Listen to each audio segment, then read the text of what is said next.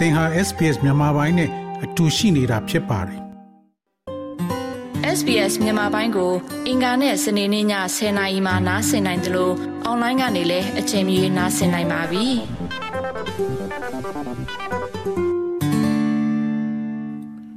သောရရှိများယခုတင်ဆက်ပေးမှာတော့ဝမ်းနဲ့ပူဆွေးမှုကိုကင်တွယ်ဖြေရှင်းရန်အဘဲကြောင့်အလွန်တွန်းဆုတ်နေကြတယ်လေဆိုတဲ့ဆောင်းပါးကိုတင်ဆက်ပေးမှာဖြစ်ပါတယ်။ လူအဖွဲ့အစည်းတစ်ခုအနေဖြင့်ကျွန်ုပ်တို့ဟာသေခြင်းကို အသိမှတ်ပြုရန်အစဉ်ပြေတယ်လို့ထင်ကောင်းထင်နိုင်တော်လဲကျွန်ုပ်တို့ရဲ့လွှမ်းမိုးကြီးစိုးသော အနောက်ယဉ်ကျေးမှုအတွက်ဝမ်းနည်းခြင်းအတွက်နေရာရရှိရန်ရုန်းကန်နေရပါတယ်။ခြားယဉ်ကျေးမှုများသည်ဝမ်းနည်းပူဆွေးခြင်းနဲ့ပတ်သက်လို့တားမြစ်ချက်များကိုသယ်ဆောင်ထားပြီးဤအပိုင်းတွင် ကျွန်ုပ်တို့သည် မတူကွဲပြားသောယဉ်ကျေးမှုများကို ဝမ်းနည်းစေသည့်နီလန်းများကို အသိမှတ်ပြုကာဒီမသက်မသာမှုကိုစစ်ဆေးမေးမြန်းထားမှာဖြစ်ပါတယ်။၎င်းသည် လူခီရဲ့တစိတ်တစ်ပိုင်းဖြစ်သောကြောင့်၎င်းသည် ကျွန်ုပ်တို့အလင်းစလိုမဖြစ်သင့်သောအရာဖြစ်သည်။သို့မဟုတ်ကျွန်ုပ်တို့သည်၎င်းကို လူမြင်ကွင်းအဖြစ်မပြုလုပ်သင့်ပါ။လူတိုင်းဟာ တစ်ချိန်သုံးမဟုတ်တခြားတစ်ခုတွင်တစုံတဦးသုံးမဟုတ်သူတို့ချစ်မြတ်နိုးသည့်အရာတစ်ခုကိုဆုံးရှုံးရနိုင်ပါတယ်။ဒါပေမဲ့ကျွန်ုပ်တို့ရဲ့လွှမ်းမိုးကြီးစိုးသော အနောက်ယဉ်ကျေးမှုအပါအဝင်သေခြင်းနဲ့ဝန်းထဲပူဆွေးခြင်းကို တားမြစ်မှုအဖြစ်မကြာခဏရှုမြင်ကြပါတယ်။ဒါကြောင့်မတူညီသောယဉ်ကျေးမှုများသည်ဝန်းထဲခြင်းအတွက်အရာများကိုမိတို့ထိမ့်သိမ်းထားသည်တချို့သောသူများသည် တခြားသူများထက် သာလွန်သောအစဉ်သစ်မှု ရှိကြပါသလားတေရှင်သဘောတရားကိုကြော်လွန်လို့ဝမ်းနဲ့ပူဆွေးခြင်းအကြောင်းနဲ့တခြားသောလင်းနဲ့စွာပြောင်းလဲနေသောဘဝပုံစံများကိုကြည့်ကာကျွန်ုပ်တို့မြည်သို့တွေးနိုင်မည်ကို ကြည့်ရှုမှာဖြစ်ပါတယ်ကျွန်ုပ်တို့သည်ဝမ်းနွေးပူဆွေးမှုကိုဝိုင်းရန်ထားစေဖြစ်သောယဉ်ကျေးမှုဆိုင်ရာ တားမြစ်ချက်များကိုစူးစမ်းလေ့လာပြီးမတူကွဲပြားသောယဉ်ကျေးမှုများကဝန်နေခြင်းအတွက်နေရာယူထားသည့်ထူးခြားသောအသွင်များကို ကြည့်ရှုကြမှာဖြစ်ပါတယ်။ Sophie Mills အကြံဉာဏ်ပေးခြင်းဝန်ဆောင်မှုများနဲ့ community workshop ဆွေးနွေးပွဲများမှတဆင့်သေခြင်းနဲ့ပူဆွေးခြင်းဆိုင်ရာတားမြစ်ချက်များကို ဖြိုခွင်းရန်စ조사သည့်အဖွဲ့အစည်းဖြစ်တဲ့ Grief Revolution ကိုတည်ထောင်သူတဦးဖြစ်ပါတယ်။ သူမအဖွဲ့အစည်းကိုတည်ထောင်ပြီးသူမအသက်24နှစ်အရွယ်တွင်ဖခင်သေဆုံးပြီးနောက်နှစ်နှစ်ကြာ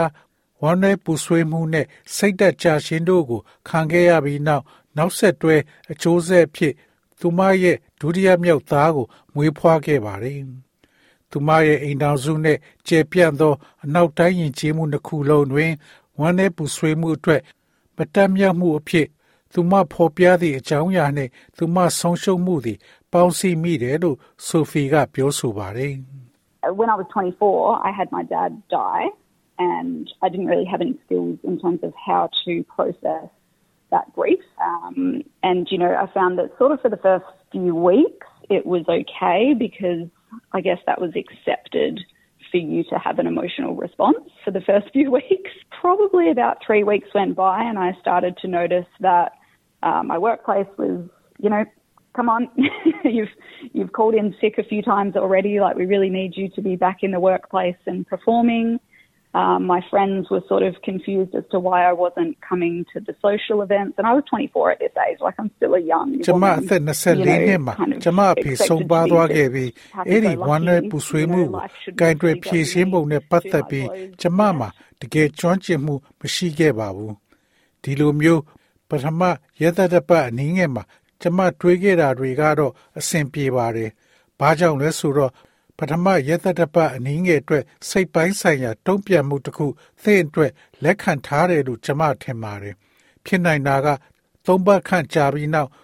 ကျမရဲ့လုပ်ငန်းခွင်ကကျမကို ပြန်လာခဲ့ဖို့အတွက်ဖြစ်နေတာကိုသတိပြုမိတော့ပါတယ်။ကျမဖျားနာနေသည်မှာအချိန်အနည်းငယ်ရှိနေပြီဖြစ်ပြီးအလုတ်ခွင်သို့ပြန်လာပြီးအလုတ်လုပ်ရန်အမှန်တကယ်လိုအပ်နေပြီဖြစ်ပါတယ်။ လူမှုရေးပွဲတွေကိုဘာလို့မလာတာလဲဆိုပြီးတငယ်ချင်းတွေကဇဝေဇဝါဖြစ်နေကြပါတယ်။ကျမအဲ့ဒီအချိန်မှာအသက်24နှစ်ပဲရှိပါသေးတယ်။ကျမပျော်ဖို့မျှော်လင့်ထားတဲ့မိန်းမပြူတယောက်ဖြစ်နေတုန်းပါပဲ။ကံကောင်းတာက ကျမဘဝက ကျမကိုခက်ခက်ခဲခဲထိုးနှက်ချက်တွေအများကြီးမပေးခဲ့သင့်ပါဘူး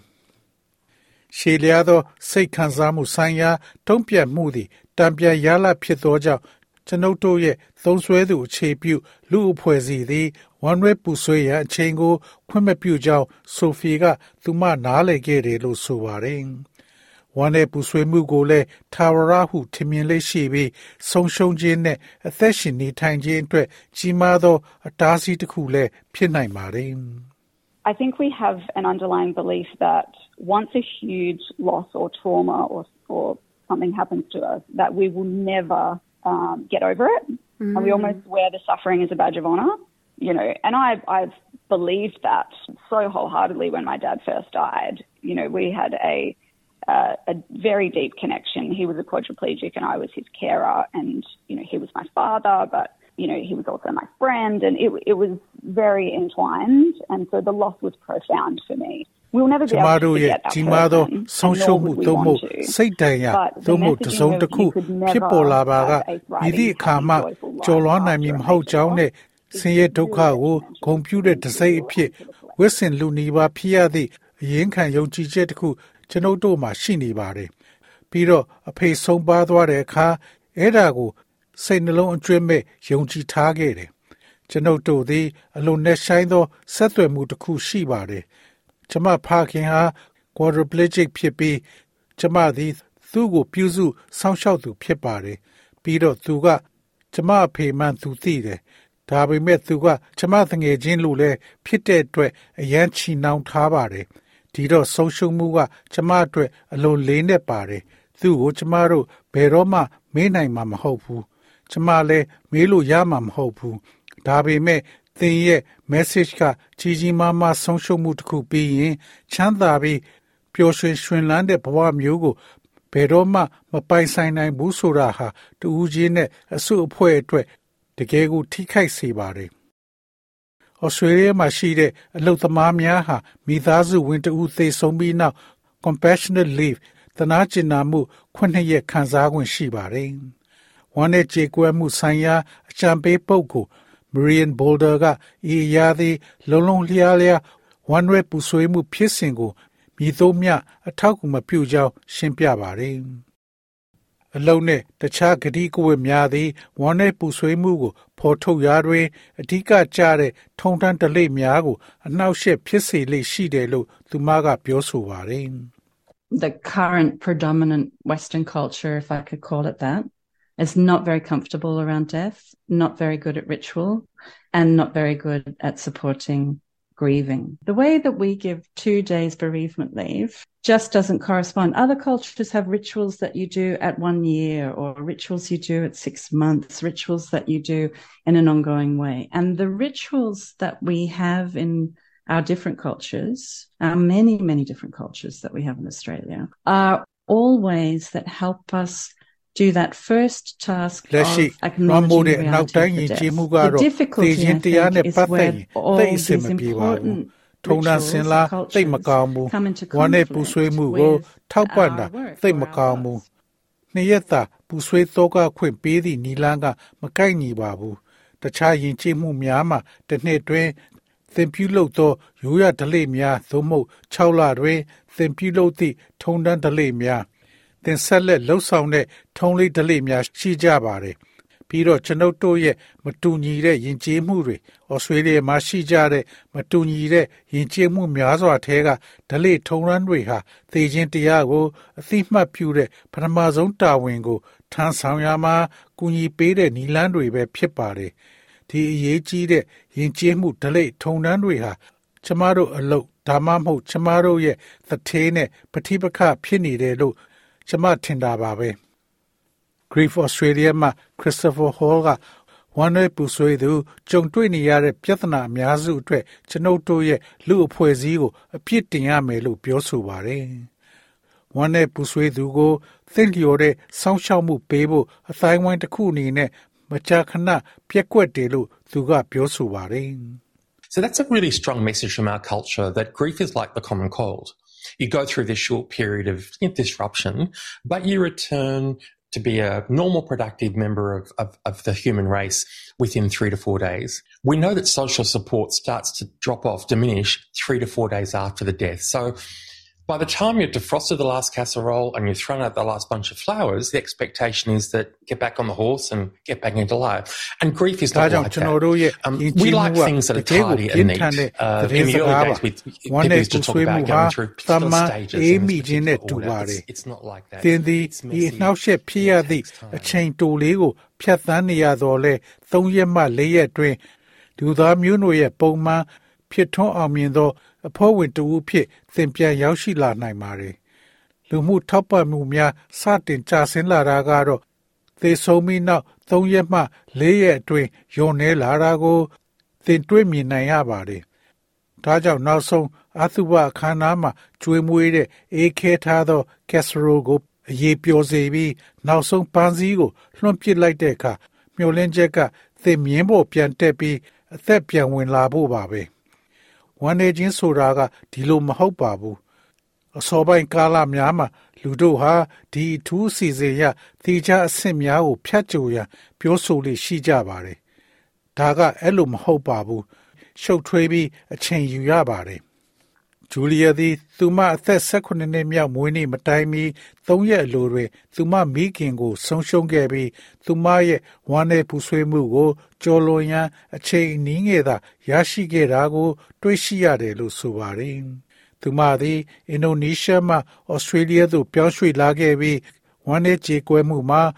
ဩစတြေးလျနဲ့အင်ဒိုနီးရှားဟာအလွန်ကွာခြားကြောင်းသူမအတွက်လျင်မြန်စွာသိသာထင်ရှားလာတယ်လို့ဆိုပါတယ်။ it was very different here in Australia compared to living overseas. I, I was living in Indonesia before this. And I think um, when it comes to grieving, people take it very seriously and they actually give you much more time နိုင်ငံရခြားမှာနေထိုင်တာနဲ့ရှင်ရင်ဩစတြေးလျမှာအရန်ကွာခြားပါတယ်။ရင်ကအင်ဒိုနီးရှားမှာနေထိုင်ခဲ့ပြီးဝမ်းနဲ့ပူဆွေးသူတွေနဲ့ကြုံလာတဲ့အခါဒါကိုပိုပြီးအလေးပေးကြပါတယ်။ ပြီးတော့သူတို့ကလူတွေကိုအဲ့ဒီဖြစ်ရရဲ့အစိတ်ပိုင်းတစ်ခုအဖြစ်နဲ့လုပ်ငန်းစဉ်မှာသင်ကို အချိန်အများကြီးပို့ပေးပါတယ်ဒီတော့အားလုံးကပုံမြန်သလိုခံစားရပါတယ်အင်ဒိုနီးရှားလိုနိုင်ငံမျိုးမှာကျင်းပတဲ့သီးသန့်ခန္ဓာရဲ့ရှူတောင်းတွေကိုအနောက်ကဘာကလက်ခံနိုင်ပါစေလို့ဂျူလီယာကဆန္ဒပြုပါတယ်ဂျိုးဆက်ဟိုသည်ဆစ်ဒနီတွင်ရှိ funeral director ဖြစ်15နှစ်ကြာလုပ်ကင်ခဲ့ပြီး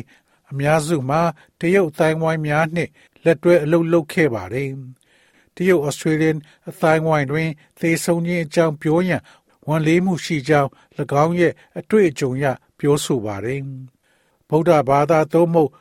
တရုတ်ရဲ့ဘာသာများသည်သေခြင်းတရားနှင့်ပတ်သက်သောတချို့သောအယူဆများအပေါ်ပုံမူအလေးနဲ့ထားဖို့ပေါ်ကြောင်း၎ င်းကရှင်းပြတော်လဲခရိယတရုတ်များသည်ယေဆိုးရိပ်မှုများကို ဖော်ပြနိုင်ခြင်းနေပါကြောင်း၎င်းကပြောဆိုပါတယ်။မစ္စတာဟိုးရဲ့အတွေ့အကြုံအရအာရှယဉ်ကျေးမှုများသည်အနောက်တိုင်းယဉ်ကျေးမှုများထက်၎င်းတို့ရဲ့စိတ်ခံစားချက်များကို ရေဘူးရာအားဖြင့်ဖော်ပြမှုနေပါတယ်လို့ဆိုပါတယ်။ Dorothy Yu သည်လွန်ခဲ့တဲ့28နှစ်ကစတင်ခဲ့သော China Cancer and Chronic Illness Society of Victoria ကိုတည်ထောင်သူဖြစ်ပြီး Miss Yu ကို Cancer Council Victoria မှ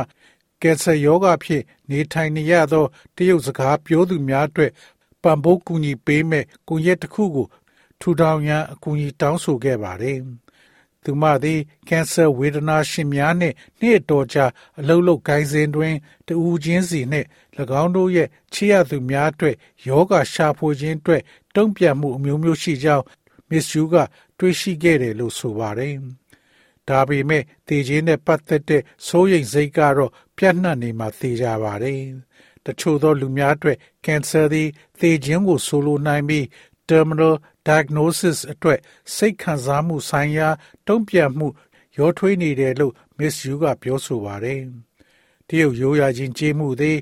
သေခြင်းအကြောင်းကို ပြောဆိုခြင်းကို လုံးဝရှောင်ကျဉ်တယ်လို့ သူမကပြောဆိုတော်လဲတရုတ်ဩစတြေးလျအတိုင်းဝိုင်းတွင် မျိုးဆက်နဲ့တူဦးချင်းနှစ်သက်မှုများသည့်သေခြင်းနဲ့သေဆုံးခြင်းအကြောင်းဆွေးနွေးလိုသောဆန္ဒကို ပုတ်သွင်းနိုင်တယ်လို့ဆိုပါတယ်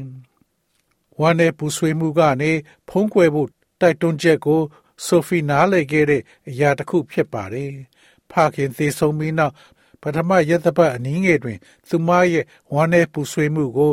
မိသားစုမှချစ်ချင်း ဖုံးကွယ်ရန်ပြုလုပ်ထားတဲ့အတွက်သူမကားနောက်ခန်းတွင်ငိုခဲ့ရတယ်လို့ဆိုပါတယ်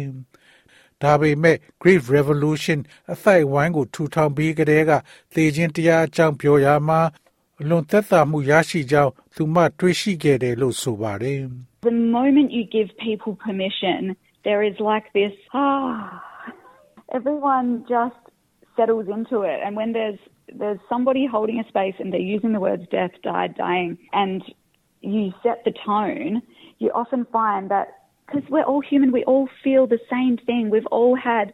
somebody in our life die, or a goldfish when we were a kid, or some there's been a loss somewhere. So we've all experienced it. And as soon as you bring those um, unspoken things to the surface, most people go, yeah, thank you. Then Ludwigo, ခွင့်ပြုချက်ပေးလိုက်တာနဲ့အားလို့လူတိုင်းကနားလေသွားကြပါတယ်။တစုံတစ်ယောက်ကသေခြင်းဆိုတဲ့စကားလုံးကိုကိုင်ဆောင်ပြီးသုံးနေတဲ့အခါ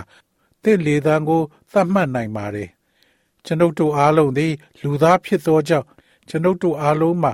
တူညီသောအရာကိုခံစားရရှိတတ်ပါတယ်။ကျွန်ုပ်တို့ဘဝမှာတစုံတစ်ယောက်သေဘူးမှာကသေကြပါတယ်။ဒါမှမဟုတ်ကျွန်ုပ်တို့ငငယ်တုန်းက မွေးထားတဲ့ရွှေငါတကောင်ဒါမှမဟုတ်တနေရာမှာဆုံးရှုံးခဲ့ဘူးနိုင်ပါတယ်။ဒီတော့ကျွန်ုပ်တို့အားလုံးသေခြင်းတရားကိုကြုံဘူးကြမှာပါ။အဲ့ဒီပြောမရသေးတဲ့အရာတွေပေါ်လာတာနဲ့လူအများစုကဟုတ်ကဲ့ကျွေးစုပါပြောဆိုပြီးထွက်သွားနိုင်ကြပါတယ်။ဒါကအမှန်တရားပဲလူတိုင်းကသေပြီးဒါကကျမတို့ကို ပြန်ကင်ထားတဲ့အကြောက်တရားပါပဲသောရရှိမြခင်ဗျာ SBS သတင်းဌာနကကက်ထရီနိုစတီရတ်ရဲ့ဆောင်းပါးကိုဘာသာပြန်တင်ဆက်ပေးထားတာဖြစ်ပါတယ်ခင်ဗျာ sbs.com.au/bemis ကို home နေရာမှာထားပြီးတော့အမြဲတမ်းနှာစင်နိုင်ပါတယ်။နောက်ဆုံးရသတင်းတွေ၊စောင်းမားတွေနဲ့စစ်တမ်းတွေမှာပါဝင်ပြီးတော့ဆက်သွယ်မှုလုပ်နိုင်ပါတယ်။ sbs.com.au/bemis ဖြစ်ပါတယ်ရှင်။